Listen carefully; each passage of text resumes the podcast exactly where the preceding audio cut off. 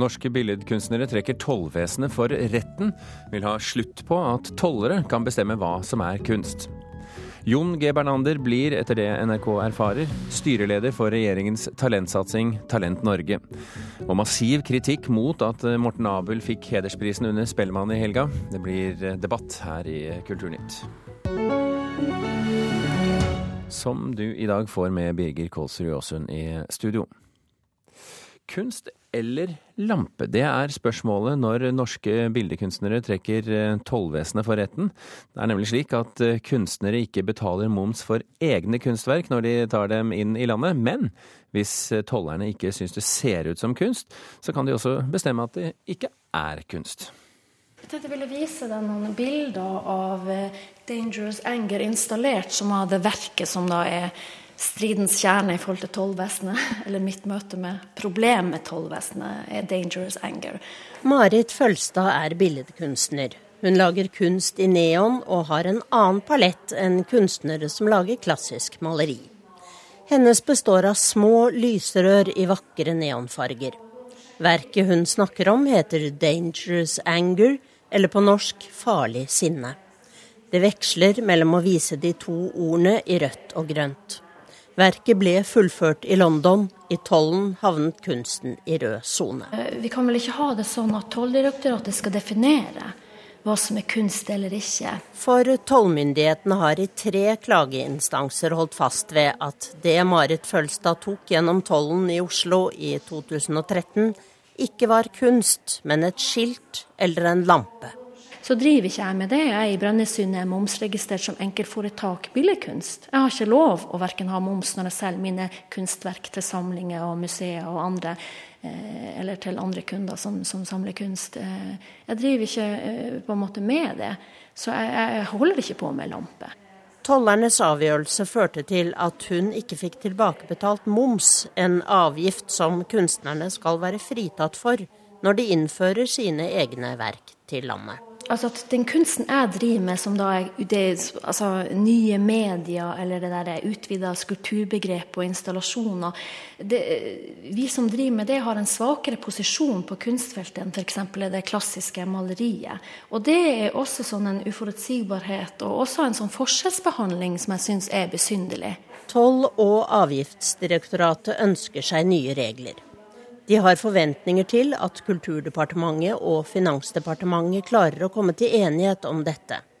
Men direktoratet holder fast på at neonrelieffet ble klassifisert riktig i tollen. Og saken mellom staten og Marit Følstad havner i retten. Det er Foreningen for norske billedkunstnere glad for. Styrelederen heter Hilde Tørdal. Og Det er derfor det er så viktig for eh, NBK å være partshjelper, fordi vi mener at, eh, at denne saken er av en prinsipiell karakter. da. Ja, det sa styreleder i Norske Billedkunstnere, Hilde Tørdal, til reporter Tone Staude. Tidspunktet for rettssaken er ikke bestemt ennå. Hvis du vil se dette omtalte kunstverket, dette neonrelieffet, og gjøre det opp din egen mening, så kan du gjøre det på nrk.no.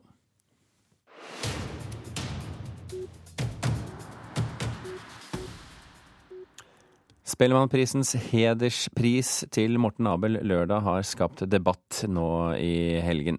Abel fikk prisen for sine 35 år som artist, både i grupper og som soloartist. Flere kommentarer mener derimot at tidspunktet for tildelingen er helt feil. Årets hederpris går ikke til Tore Tang, men til Morten Abel! Jeg var sjokkert. Det var, en, det var en ekte overraskelse. Heidersprisen kom overraskende på Morten Abel under Spellemannprisen lørdag. Det betyr kjempemye, selvfølgelig. det er jo um, Man syns det er stas, staseligere med, med priser og sånn, kanskje. Før i tiden så var vi litt sånn Vi var i opposisjon til alt. Jeg er så utrolig um, takknemlig og heldig for å få lov å gjøre dette på et sånt nivå så lenge. Men tildelinga er dårlig tima, mener kommentator Thomas Talseth i VG. Jeg mener at uh, hedersprisen, uh, i likhet med de andre Spellemannprisene, bør være knytta til uh, musikkåret som gikk. 2014 var et dårlig år for Abel, mener han. Det som skjedde med han musikalsk i 2014, var at han var med i den første floppsesongen av Hver gang vi møtes. Og han ga ut én singel som prøvde å kapitalisere på den eksponeringa, og den floppa fullstendig. Styreleder i Spellemann, Marte Thorsby, liker dårlig kritikken som nå kommer mot tildelinga av Heidersprisen. Hun mener Abel vant fortjent. Og Man må huske at Hedersprisen det er en utmerkelse for hele karrieren din. Og nå snakker vi om en av Norges største popartister. Jeg mener den utmerkelsen står fjellstøt. Og samtidig har jeg lyst til å si at jeg syns det er litt synd at man rakker ned på en så stor artist. Dette er ikke en utmerkelse for det man har gjort i 2014, men det han har gjort gjennom hele sin karriere.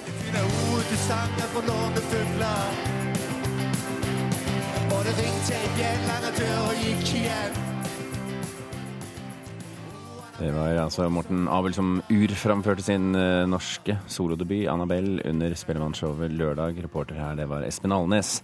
Musikkjournalist i eh, Dagbladet, Sigrid Hvitsten, eh, velkommen til Kulturnytt. Tusen takk. Hva syns du om at uh, Abel fikk hedersprisen? Nei, vet du hva? Her er jeg faktisk uh, veldig enig med Thomas Talseth uh, i VG. Jeg vil først bare understreke at jeg har all respekt for Morten Abel som artist. Dette her er mer en kritikk av timingen til Spellemanns hederspris.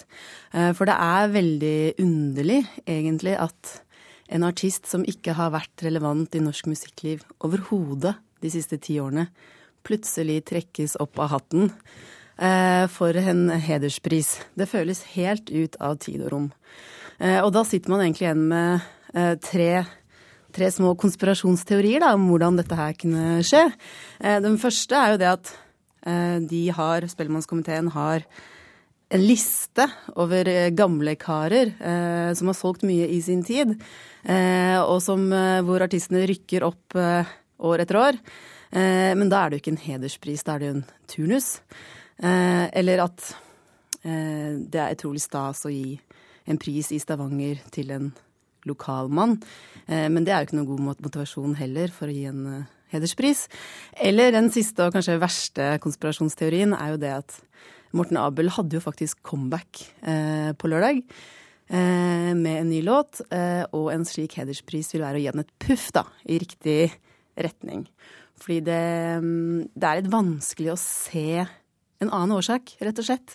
Eh, det er helt ute av tid og rom. Kanskje en annen årsak står lettere for deg å se Jan Zahl, eh, kulturkommentator i Stavangerbladet, eh, Stavanger Aftenblad, fra studio i Stavanger. Du er nesten åpenbart ikke enig i Sigrid Witzen her, tenker jeg. Nei, på ingen som helst måte. Dette er en helt sånn surrealistisk kritikk.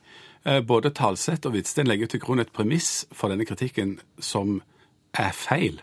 Altså, Hedersprisen blir jo ikke delt ut for noe som ble gjort i fjor. Det er den eneste av Spellemannsprisene som nettopp ikke er knytta til at, hva du ga ut i fjor, og at du var aktuell i fjor. Og Dermed så burde egentlig diskusjonen slutta der. fordi at eh, Premisset er altså galt. Det går ikke an å kritisere det for noe som ikke er regelen. Så kan Hvitsten og Talseth føle at det burde ha vært andre kriterier som lå til grunn, men dette er omtrent som å eh, kritisere at ikke et metal-band vinner dansebandprisen. Men hva er eh, de gode grunnene for å gi Abel eh, Spellemanns hederspris, da? Ja, og der, Nå fortsetter vi surrealismen. For den eh, begrunnelsen gir jo Hvitsten sjøl i sin egen artikkel. Hun skriver at eh, Morten Abel har vært popkonge ubestridt popkonge i Norge i 30 år. Hun skriver ikke noe om at han har vært irrelevant i de siste ti år. Hun skriver at han har vært popkonge i 30 år. Alle snakker om at han er en hedersmann, at han er en fortjent vinner. Eh, altså argumenterer de sjøl for hvorfor han eh, fortjener å få denne prisen. Så det, det er litt sånn eh, underlig, dette. Det var en underlig opplevelse eh, å være i Konserthuset på lørdag og oppleve Oslo-pressen eh, gå på Abel og snakke om, spørre om dette comebacket. Eh, verken Abel eller vi som bor i Stavanger-området eller i Nord-Norge, opplever jo at han har vært vekke noen plass. Eh, men han har altså hatt en karriere som går en annen plass enn i Oslo sentrum. Er du rett og slett dårlig informert, Hvitsten?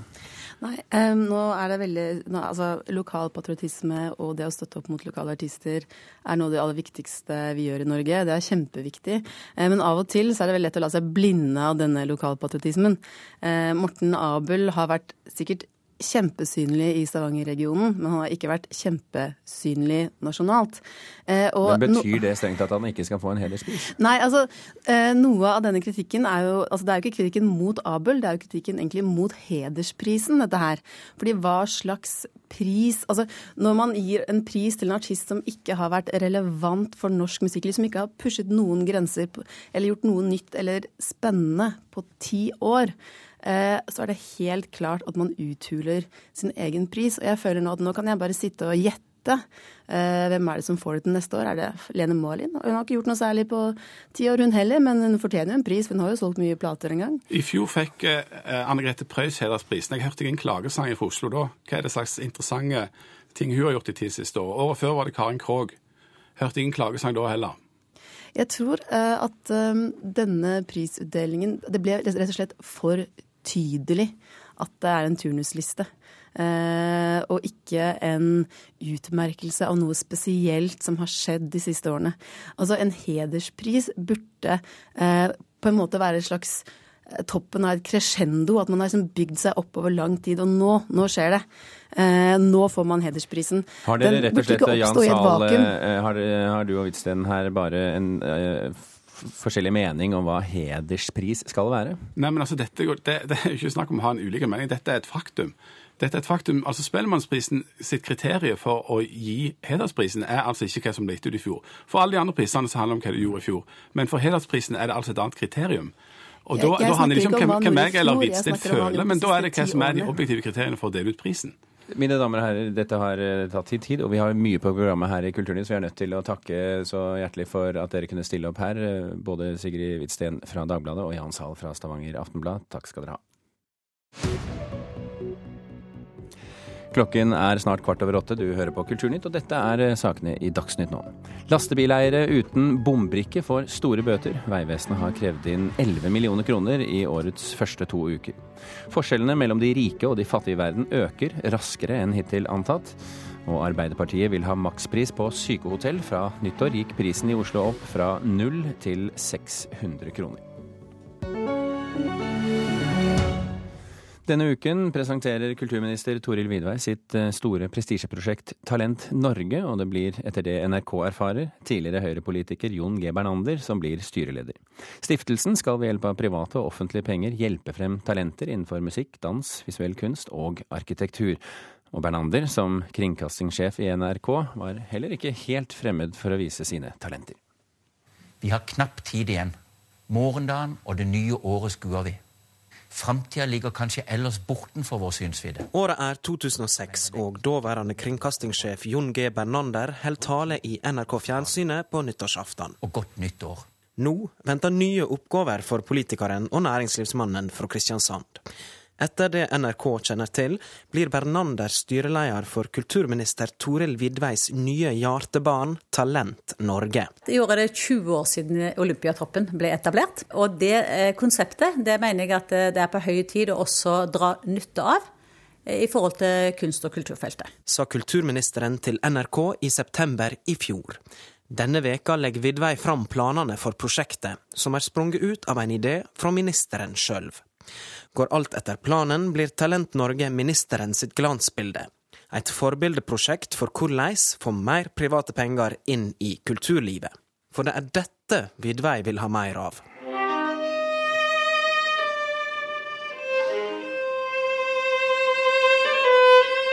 Helt siden jeg var fem år, så har jeg faktisk eh, så å si nesten spilt på instrumentet hver dag. Sa Eivind Holtsmark Ringstad til NRK i november, da han mottok Statoils talentstipend for klassisk musikk. Et ungt talent utenom det vanlige, med potensial til internasjonal karriere. Stiftinga Talent Norge skal dyrke fram flere slike, og med seg i styret får Bernander seks andre profiler fra kultur og næringsliv. Økonomisk har staten spytta inn 30 millioner kroner, og så er planen å få private aktører inn i spleiselaget. En av de som vil bidra, er kunstner Per Front, som vil legge 10 000 kroner i året på bordet til stiftinga. Jeg har selv opplevd i New York og fått støtte fra mesener, privatpersoner, som hjalp meg tidlig i karrieren, som gjorde at jeg kunne bli den kunstneren jeg er i dag. Dette er jo et positivt innspill for å forløse midler fra en annen sektor, nemlig den private sektoren, inn mot kulturlivet, slik at de tar eierskap. Det er jo bare vinn-vinn. Og verken Jon G. Bernander eller kulturminister Toril Vidvei ønsker å kommentere eh, dette til NRK i dag. Reporter det var Lars Ivar Nordahl. Kommentator har vi jo for så vidt selv, eh, Agnes Moxnes, kulturkommentator her i NRK. Hvorfor velger kulturministeren, eh, altså etter vår erfaring, Jon G. Bernander til denne jobben? Fordi hun trenger han. Hun trenger en som har kontakter rett inn dit hvor norske pengebinger forvaltes. Eh, altså til næringslivet, til private formuestiftelser og fond osv. Eh, det er derfra pengene til Talent Norge skal hentes. Og som tidligere NHO-direktør så skulle man jo tro at Bernander er nokså skreddersydd til denne jobben som styreleder. Dessuten så er, tilhører de jo samme parti, de er samme generasjon. Jeg vil tro de kjenner hverandre ganske godt. Og det er nok viktig for Tore Vidvei å få med seg en person hun stoler fullt og fast på i denne jobben. Men hvilke spesifikke roller har han hatt? Eh, du nevnte eh, NHO her. Hvilke spesifikke roller har han gjort som gjør at Vidvei vil ha akkurat ham? Ja, og så har han jo vært kringkastingssjef også, det hørte vi vel tidligere. Eh, flere roller. Han er jo næringslivsmann, han er utdannet jurist. Han har sittet på Stortinget. Men han har også sittet, og han sitter i mange styrer, og bl.a. det som heter Ungt entreprenørskap, så han kjenner problemstillingen. altså få hvordan legge forholdene til rette for unge folk som vil frem her i, i verden. Hvilke andre skal inn i styret, vet vi det? Eh, dette skal være en ideell stiftelse. Poenget med den er at den skal være ubyråkratisk. Eh, det blir kjent i denne uka hvem det er som skal inn i styret. Eh, men jeg vil jo tro at Toril Vidvei har med seg noen som kan mye om kunstutdannelse, altså kunstutdanning. Eh, antageligvis kanskje også en fra de store orkestrene. Eh, og så flere da fra næringslivet. Dette, men som sagt, dette blir kjent da i løpet av denne uka. Klarer du kort å fortelle de som har eh, glemt allerede hva Talent Norge er? Det er å få frem nye Leif Ove Ansneser, eh, rett og slett. Eh, unge talenter som kan erobre verdensscenen, og som så kan takke tilbake til den delen av næringslivet og de private pengene som har støttet mm. dem på veien frem dit. Agnes Moxnes, takk for at du kom i Kulturnytt. I går eh, døde NRK-profilen og forfatteren Kjell Arnljot Wiig, 90 år gammel. Mange vil nok huske en stadig røykende og munnrapp programleder i fjernsynets barndom. En debattleder som ikke lot politikere og andre maktpersoner slippe så lett unna, bl.a. i programmet som eh, Åpen post. Hei. Åpen post vil gjerne ønske dere alle sammen godt nytt år. Og spesielt vil vi hilse alle nye seere. Eh, hjertelig velkommen til dette beryktede program, hvor vi i kveld skal ta opp to stridsspørsmål.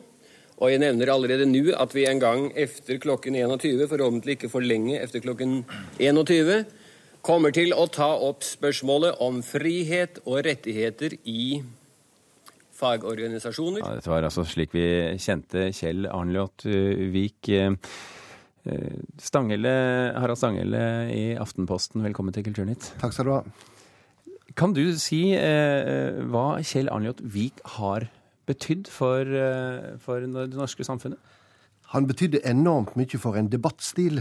Vi må huske på at eh, da han innførte sine debattprogrammer, borrende, hardtslående, eh, forlangte svar, så var dette en veldig forsiktig tid da ikke minst journalister her i NRK var veldig ærbødige. Det var deres form, det var en forsiktighet overfor autoriteter, overfor politikere. Kjell Arnold Vik gjorde det stikk motsatte. Han innførte helt nye spilleregler, og slik sett så skapte han nok en form for skole i norske eh, debattprogrammer. Jeg vil du si at han har endret norsk journalistikk, eller på det tidspunktet endret norsk journalistikk? Definitivt. Han endra norsk debattjournalistikk. Den ble aldri det samme etter eh, Kjenner Vik. Det gjorde jo også at han hissa på seg ufattelig mange samfunnsautoriteter. Eh, men eh, det var han som brøyta nye veier. Mm. Vi, vi, kan jo se klipp av ham fremdeles, eh, som ligger eh, på YouTube f.eks. Eh, han kan fremstå som noe arrogant? Ja, han kan det. Samtidig så hadde han en ekstremt eh, finslepen form. Han var jo veldig språkbevisst. Han dyrka språket, han brukte det. Men jeg tror at det som vi tolka som arrogansen, det var den manglende respekten han hadde for autoritetene som var innkalt til TV-debatten. Hans, eh, eh, hans misjon var på en måte å bore etter kjernen i lange og omstendelige politikersvar. Han hata tåkelegging, og tåkelegging det var det mye av, og det er det fortsatt. Jeg leser jo i din avis i, eh, i dag at han kunne at han kunne plutselig spørre en svarende politiker om han husket spørsmålet. Og det var det ikke alltid de gjorde, og så spurte han ja, hva svarer du på da? Ja, den er jo kjent, akkurat den historien. Eh, den litt lettere beskjemma politikeren måtte erkjenne at eh, midt i dette lange svaret sitt, så husker han ikke lenger spørsmålet. Og da smalt det fra Kjell Arnold Vik. Men hva er det da de svarer for? Ja. Og det er jo en frekkhet som Det ville vært frekt i dag også, det? Ja, det ville det. Og tenk deg når dette skjedde på 60- og 70-tallet, eh, altså for 50 eh, år siden, eh, da var det toppen av frekkhet. Men jeg har lyst til å legge til, jeg husker jo Eh, dette som eh, unge og som, eh, som tenåring. Og, og, jeg husker jo hvordan folk hjemme på Stanghelle snakka om programmene til Kjell Vik, gleda seg til de, og godta seg over at de mektige herrene inne i hovedstaden, de fikk gjennomgå, de også, for det var ikke vanlig. En dag å minnes Kjell Arnljot Vik på Harald Stange fra Aftenposten. Tusen hjertelig takk for at du kom til Kulturnytt.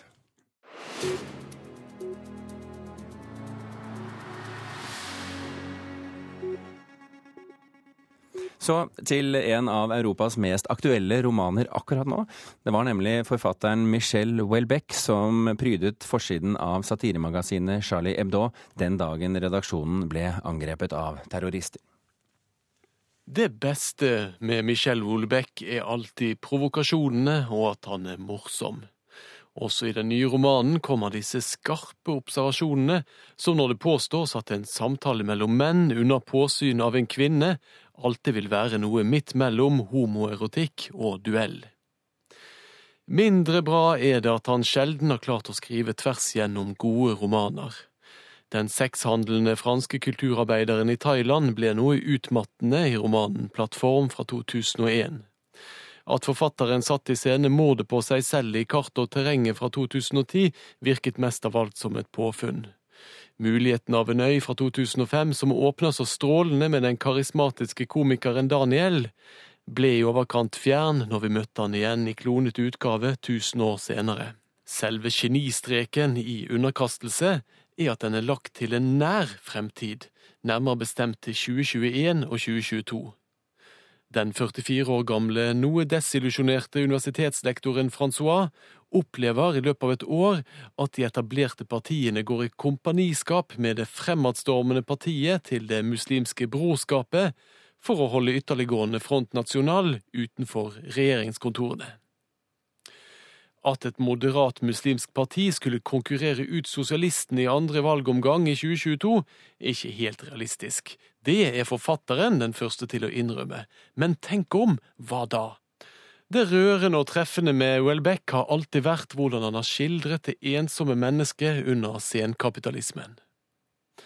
44 år gamle Francois er nok en sånn ensom mann som leter fortvilet etter hva som er hans eksistensberettigelse, nå som doktorarbeidet er et tilbakelagt stadium. Til denne følelsen av tomhet har den nye regjeringen, ledet av den fiktive Mohammed Ben Abbas, en hel katalog av svar. Det nye islamske, oljefinansierte Sorbonne-universitetet tilbyr jobb, et meningsfylt familieliv og opptil flere koner, hvis Francois gjør som flere av sine kolleger og konverterer til islam. Francois, som for øvrig minner meg veldig om mennene vi møter i opptil flere av Dag Solstads romaner, er en sånn upolitisk intellektuell som nå skjønner at han ikke lenger kan leve som om politikk ikke angår ham. Men hvilken side skal han velge? Det lurer jeg på gjennom hele romanen. Skal han, som sitt litterære forbilde, den dekadente og Schopenhauer-inspirerte Joris Carl Heusmanns, velge å hengi seg til religion?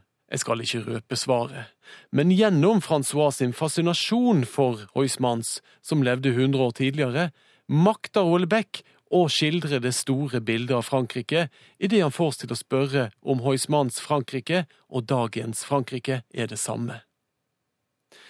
I underkastelse er et element av det usannsynlige kastet inn i mye som er mulig og kjent. Mer enn å tilby realistiske utkast til Den femte republikkens videre skjebne, så er det som om Welbeck med skremmende timing har fanget inn noe av den anspente, polariserte stemningen som hersket i Frankrike både før og etter attentatet på Charlie Hebdo. Og for meg så er Francois sin kjærlighet til litteratur kanskje romanens kjerne. Sett i det perspektivet er underkastelse å forstå som en lovsang til den frie kunstneriske ytring i seg selv, uansett om den skulle ta form av en tvers igjennom vellykket roman, eller som en grisefrekk karikatur. Det sa NRKs litteraturkritiker Knut Hoem, som hadde lest den tyske oversettelsen av Michel Houellebecqs nye roman Soumission, eh, underkastelse. Den engelske utgaven er planlagt utgitt først i september. Og ifølge Houellebecqs norske forlag Cappelen Dam så kommer den norske oversettelsen til eh, høsten. Vi nærmer oss slutten her i Kulturnytt. Vi rekker å ta med at Truls Lie blir den nye redaktøren av den venstreorienterte ukeavisen Ny Tid. Lie overtok og drev Morgenbladet fra 1993. Ti år etter startet han den skandinaviske utgaven av Le Monde Diplomatique. Lie overtar jobben etter Dag Herbjørnsrud og starter i jobben 1. Så tar vi med til slutt at Jim Clancy slutter som ankermann i TV-stasjonen CNN etter å ha publisert flere kontroversielle Twitter-meldinger. Det antas at bakgrunnen for eh, denne oppsigelsen er en opphetet debatt på Twitter etter terrorangrepet på Charlie Hebdo i Paris, der Clancy anklaget sine meningsmotstandere for å drive propaganda for Israel. Det er New York Times som skriver dette. Kulturnytt er eh, slutt. Vilde Tosterud, Vidar Sem og Birger Kolsrud Aasund takker for følget.